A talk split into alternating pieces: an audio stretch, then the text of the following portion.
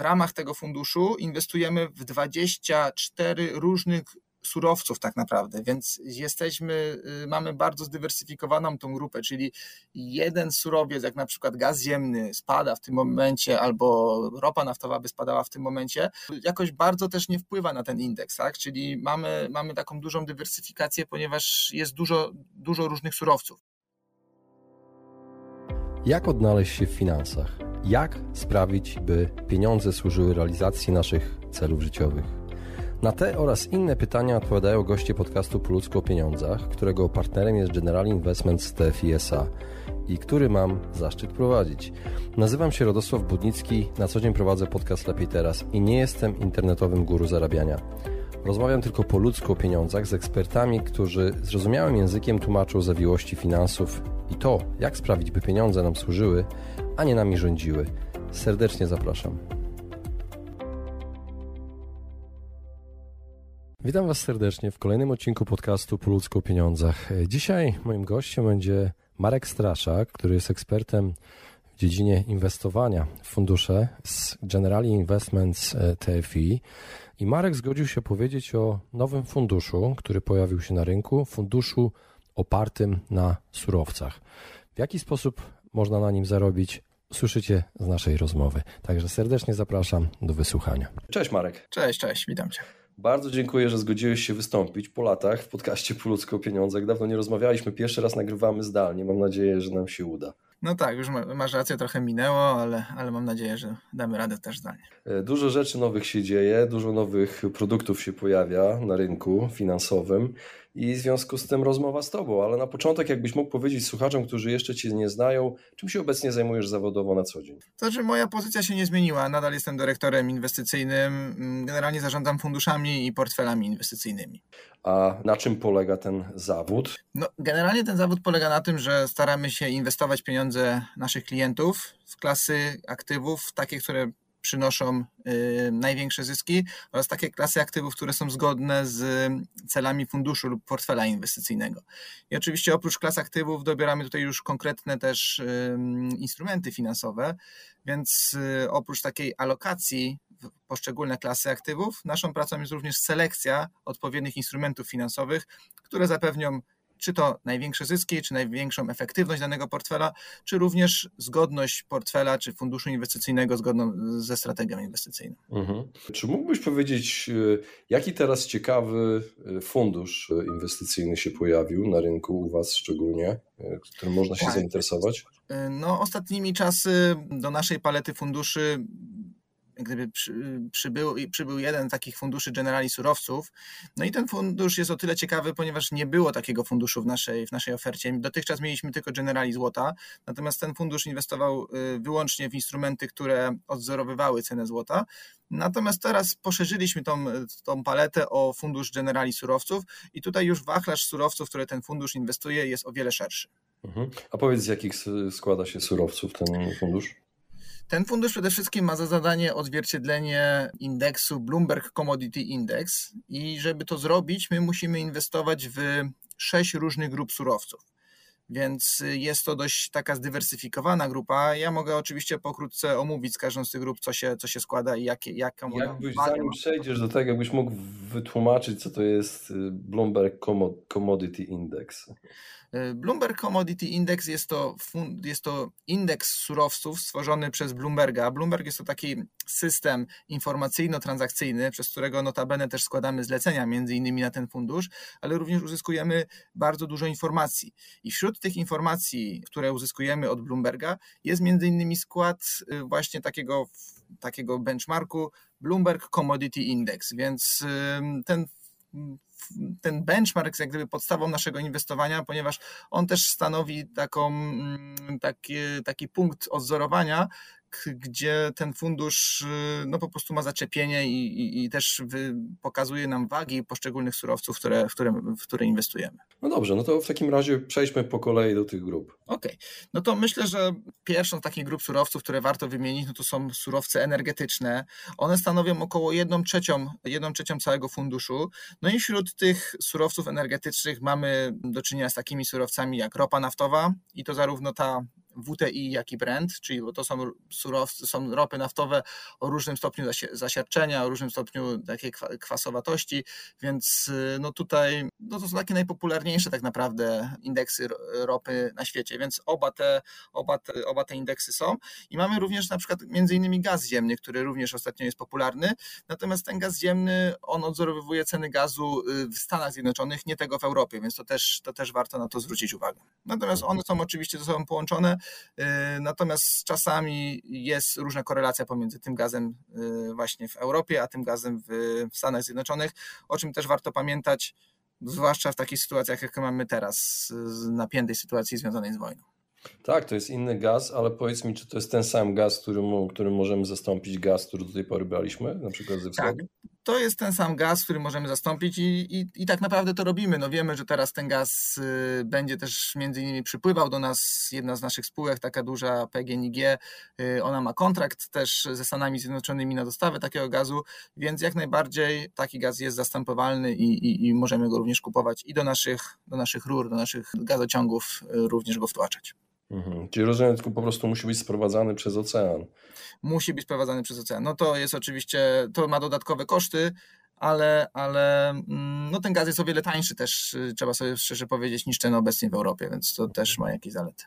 I ta ropa Brent różni się od tej drugiego rodzaju ropy też cenami? Też one mają Tam jest ba bardzo delikatna cena, różnica, różnica między ceną WTI i Brent, natomiast to już nie jest taka, to już nie jest taka, taka duża różnica i to co ważne, te, te dwie ropy, one bardzo chodzą skorelowane ze sobą, więc mhm. Y, kurs jednej ropy i drugiej y, jest, jest bardzo skorelowany i tutaj nie ma dużych, dużych różnic takiej dziennej na przykład wycenie pomiędzy Czyli jak jedna spada, to i druga też prawdopodobnie. Dokładnie tak. Dokładnie się zachowywała. No dobrze, przejdźmy do kolejnej grupy.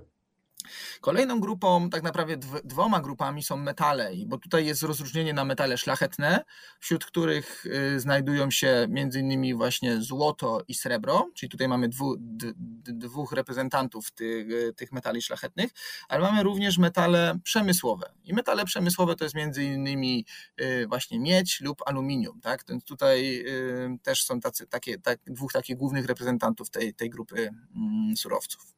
Mhm. I obie te grupy, one również mają ponad nawet 30% w tym funduszu. Łącznie te grupy energetyczne i surowce, e, przepraszam, te, te surowce energetyczne i, i, metale, zarówno przemysłowe, jak i szlachetne, one stanowią około 2 e, trzecich całego, całego funduszu, całego indeksu i też całego funduszu. Mhm. E, kolejne grupy. Kolejną grupą są to zboża. One już stanowią około 20%, 20% całego funduszu. No i tutaj y, możemy wymienić m.in. kukurydzę, pszenicę, soję, tak? To są takie, takie główne, y, główne, główni reprezentacji tej grupy. No i oczywiście tutaj też trzeba zdać sobie sprawę z tego, że mm, ceny tych surowców, no to one są kwotowane przede wszystkim w Stanach Zjednoczonych, tak? Więc tutaj nie to, co się dzieje innymi w Europie, ale ważniejsze jest to, co się dzieje w Stanach Zjednoczonych, czyli jakie tam są zbiory na przykład przykład, jakie są, jakie, czy pora jest sucha, czy pora jest mokra. Tutaj też y, no na pewno na to trzeba zwrócić uwagę. Oczywiście mm, to, co się dzieje na Ukrainie, to, co się cała ta wojna między Ukrainą a Rosją, ona wpływa na globalny popyt na, y, i podaż, y, podaż zbóż. No i dlatego to też się przekłada oczywiście na, na, ceny, na ceny surowców tych w Stanach Zjednoczonych.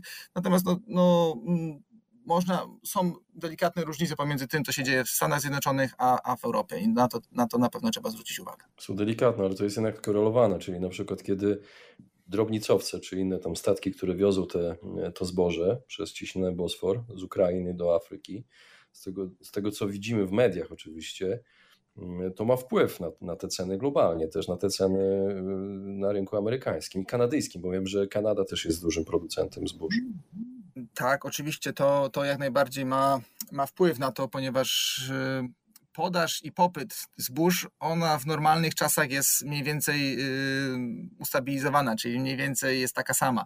Natomiast w momencie, kiedy, i to mówimy oczywiście o globalnej popycie i podaży, natomiast jeśli, jeśli mamy taką sytuację jak na przykład wojna, gdzie Ukraina, która jest dużym eksporterem zbóż, nie mogła przez pewien, przez pewien okres... Europy. Tak, tak, dokładnie. Nie mogła przez pewien okres w ogóle eksportować zbóż, a teraz robi to w ograniczonym yy, zakresie, no to oczywiście wpływa na taką globalną e, relację popytu i podaży i wpływa na, na ceny, tych, ceny tych surowców, ceny tych zbóż, więc to jak najbardziej, oczywiście takie wydarzenia geopolityczne, z jakimi mamy do czynienia, one wpływają globalnie na, na cenę, e, cenę e, tych surowców.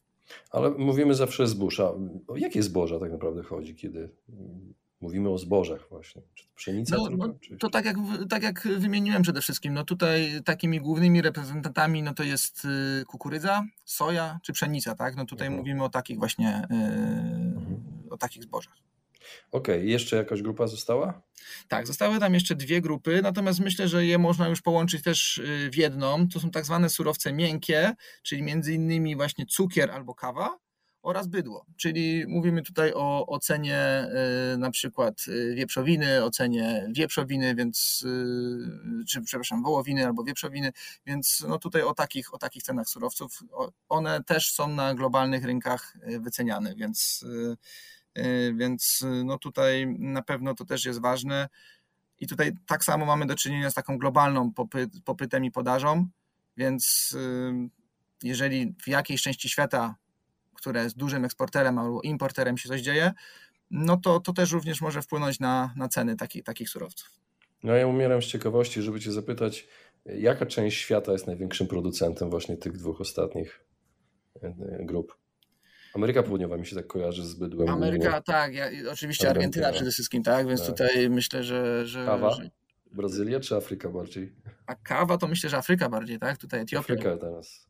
Etiopia, ale Brazylia, Brazylia jak najbardziej też, tak? Azja chyba też, troszkę kawa. Azja chyba też. Troszkę, ale myślę, że przede wszystkim Etiopia i, i, i Brazylia to są tutaj taki dwóch mhm. głównych eksporterów kawy. No, znamy już te sześć grup, właściwie sześć już grup. Yy, powiedz, czym się charakteryzuje inwestowanie yy, w ten rodzaj funduszu, właśnie taki surowcowy, bo to bardzo ogólne, ale wrzucone sporo jest tego do tego koszyka.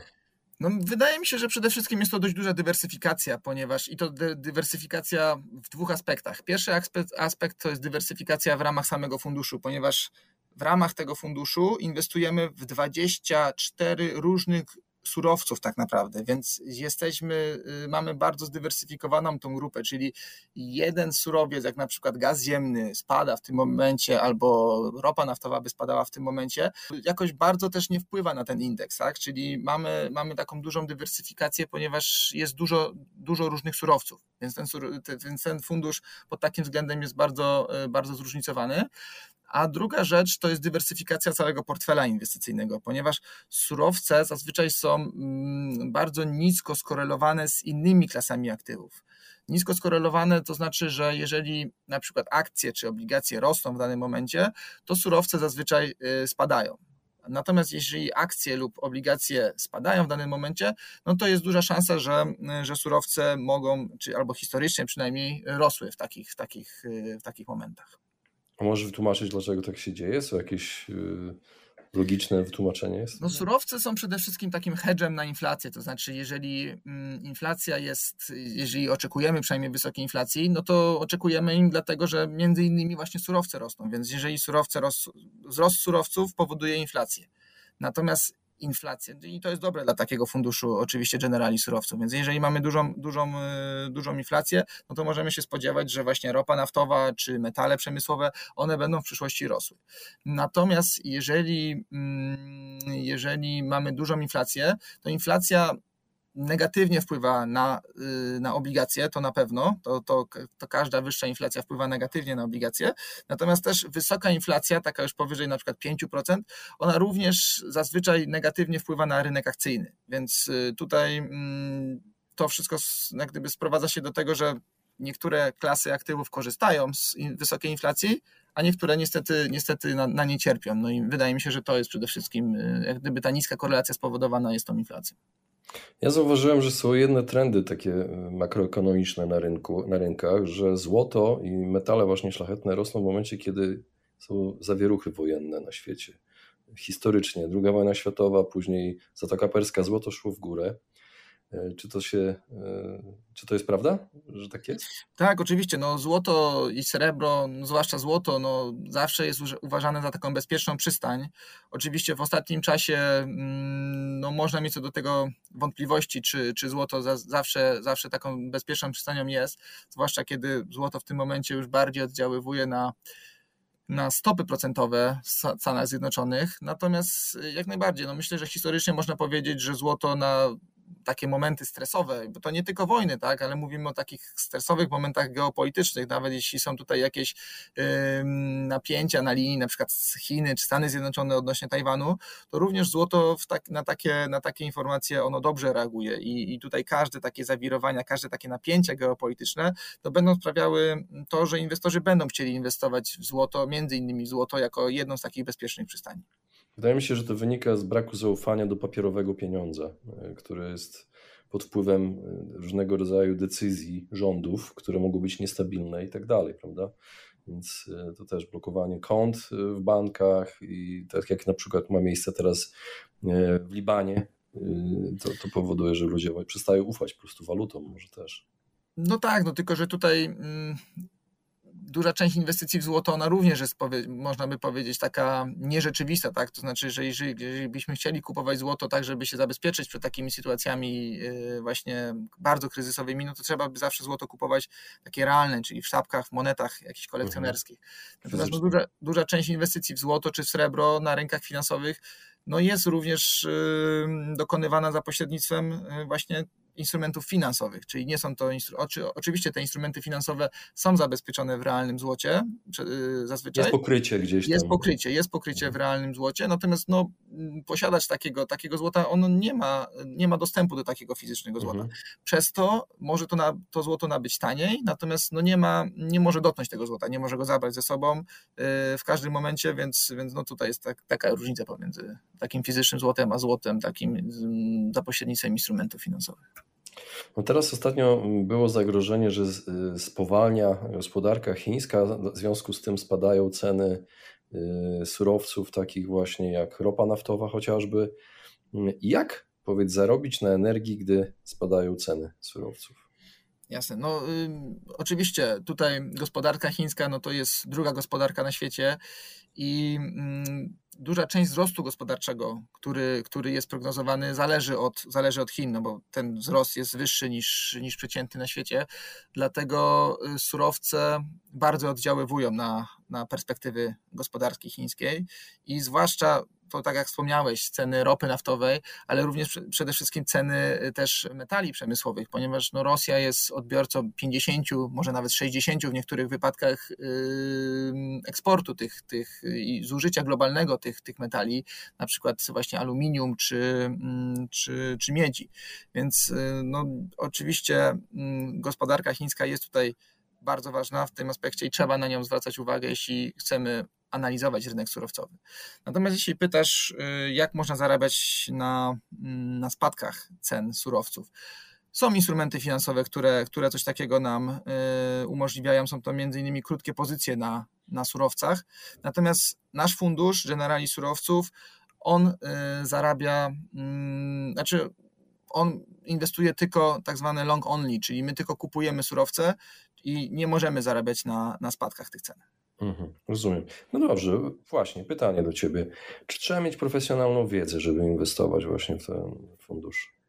E, wydaje mi się, że nie trzeba mieć profesjonalnej wiedzy. Oczywiście trzeba mieć e, wiedzę, jakie są ryzyka związane z cenami surowców, jakie są ryzyka związane z, z danym, z danym, e, z danym funduszem, czyli mm, generali surowców, który za zadanie ma odzwierciedlenie cen, y, odzwierciedlenie tego benchmarku y, Bloomberg Commodity Index, trzeba mieć, y, trzeba mieć wiedzę i trzeba mieć jak gdyby świadomość tego, jaka jest zmienność na, na, danym, na, danym, na takim danym instrumencie i jakie, jakiej części możemy się, jakich mm, zysków albo strat możemy się spodziewać w najbliższych, najbliższych okresach.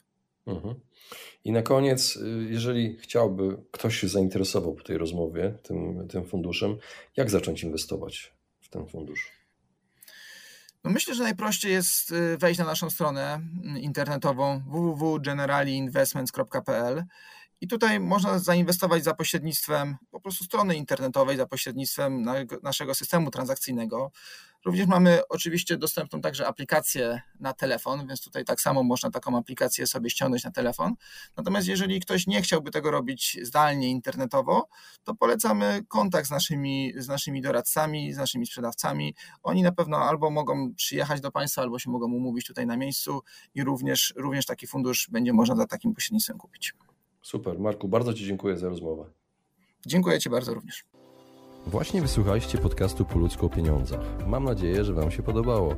Jeśli tak, poświęćcie swój czas, proszę pozostawić swoją recenzję na Apple Podcast. Jeżeli macie pytania lub propozycje dotyczące kolejnych audycji, piszcie do mnie na fanpage'u Po ludzku o pieniądzach i do usłyszenia następnym razem. Pozdrawiam serdecznie. Informacja prawna w zakresie subfunduszy Generali Fundusze FIO oraz Generali Fundusze SFIO. Niniejszy materiał ma charakter promocyjny lub reklamowy. Generali Investments Towarzystwo Funduszy Inwestycyjnych SA działa na podstawie decyzji Komisji Papierów Wartościowych, obecnie Komisja Nadzoru Finansowego z dnia 1 czerwca 1995 roku. Numer decyzji KPW myślnik 4073 myślnik 1 łamane na 95 i świadczy usługi pośrednictwa w zbywaniu i odkupywaniu jednostek uczestnictwa.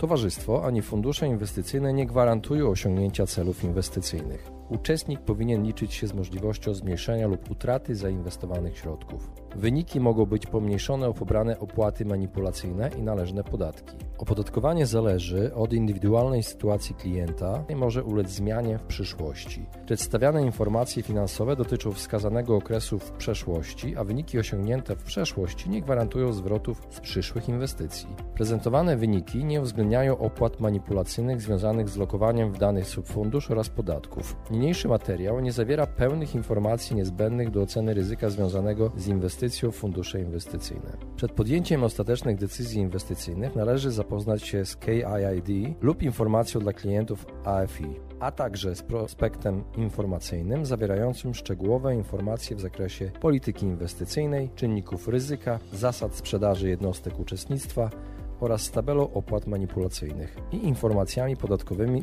dostępnymi na stronie www.generali-investments.pl. Dokumenty są sporządzone w języku polskim. Ryzyko inwestycyjne subfunduszu opisane jest w punktach opis ryzyka inwestycyjnego związanego z polityką inwestycyjną subfunduszu z uwzględnieniem strategii zarządzania i szczególnych strategii inwestycyjnych stosowanych w odniesieniu do inwestycji na określonym obszarze geograficznym, w określonej branży lub sektorze gospodarczym, albo w odniesieniu do określonej kategorii lokat, albo w celu odzwierciedlenia indeksu i opis ryzyka inwestycyjnego związanego z uczestnictwem w subfunduszu. Informacje zamieszczone w niniejszym materiale nie stanowią usługi doradztwa inwestycyjnego, udzielania rekomendacji dotyczących instrumentów finansowych, jak również nie stanowią informacji rekomendującej lub sugerującej strategię inwestycyjną lub rekomendacji inwestycyjnej opisanych w artykule 3 ust. 1 punkt 34 i 35 rozporządzenia Parlamentu Europejskiego i Rady Unii Europejskiej nr 596 łamane na 2014 w sprawie nadużyć na rynku. Uzyskany wynik będzie się różnić w zależności od funkcjonowania rynku i okresu posiadania inwestycji. Duża zmienność wartości aktywów netto, generali akcji małych i średnich spółek, generali akcje wzrostu, generali akcji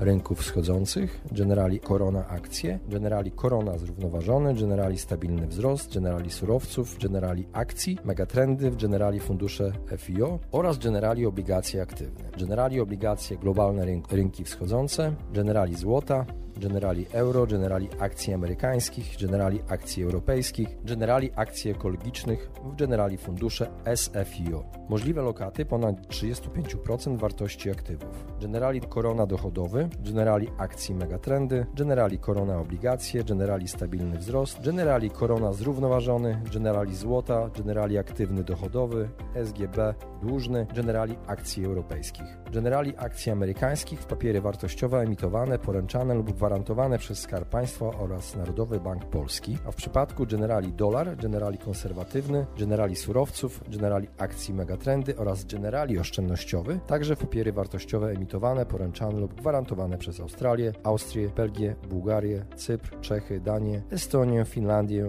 Francję, Grecję, Hiszpanię, Holandię, Irlandię, Islandię, Japonię, Kanadę, Koreę Południową, Litwę, Luksemburg, Łotwę, Maltę, Meksyk, Niemcy, Norwegię, Nową Zelandię, Polskę, Portugalię, Rumunię, Słowację, Słowenię, Stany Zjednoczone, Szwajcarię, Szwecję, Turcję, Węgry, Wielką Brytanię, Włochy oraz Europejski Bank Inwestycyjny i Bank Światowy, Międzynarodowy Bank Odbudowy i Rozwoju. Wszelkie prawa autorskie do niniejszego materiału przysługują wyłącznie towarzystwu. Powielanie, publikowanie bądź rozpowszechnianie w jakikolwiek inny sposób jego całości lub części bez zgody towarzystwa jest zabronione.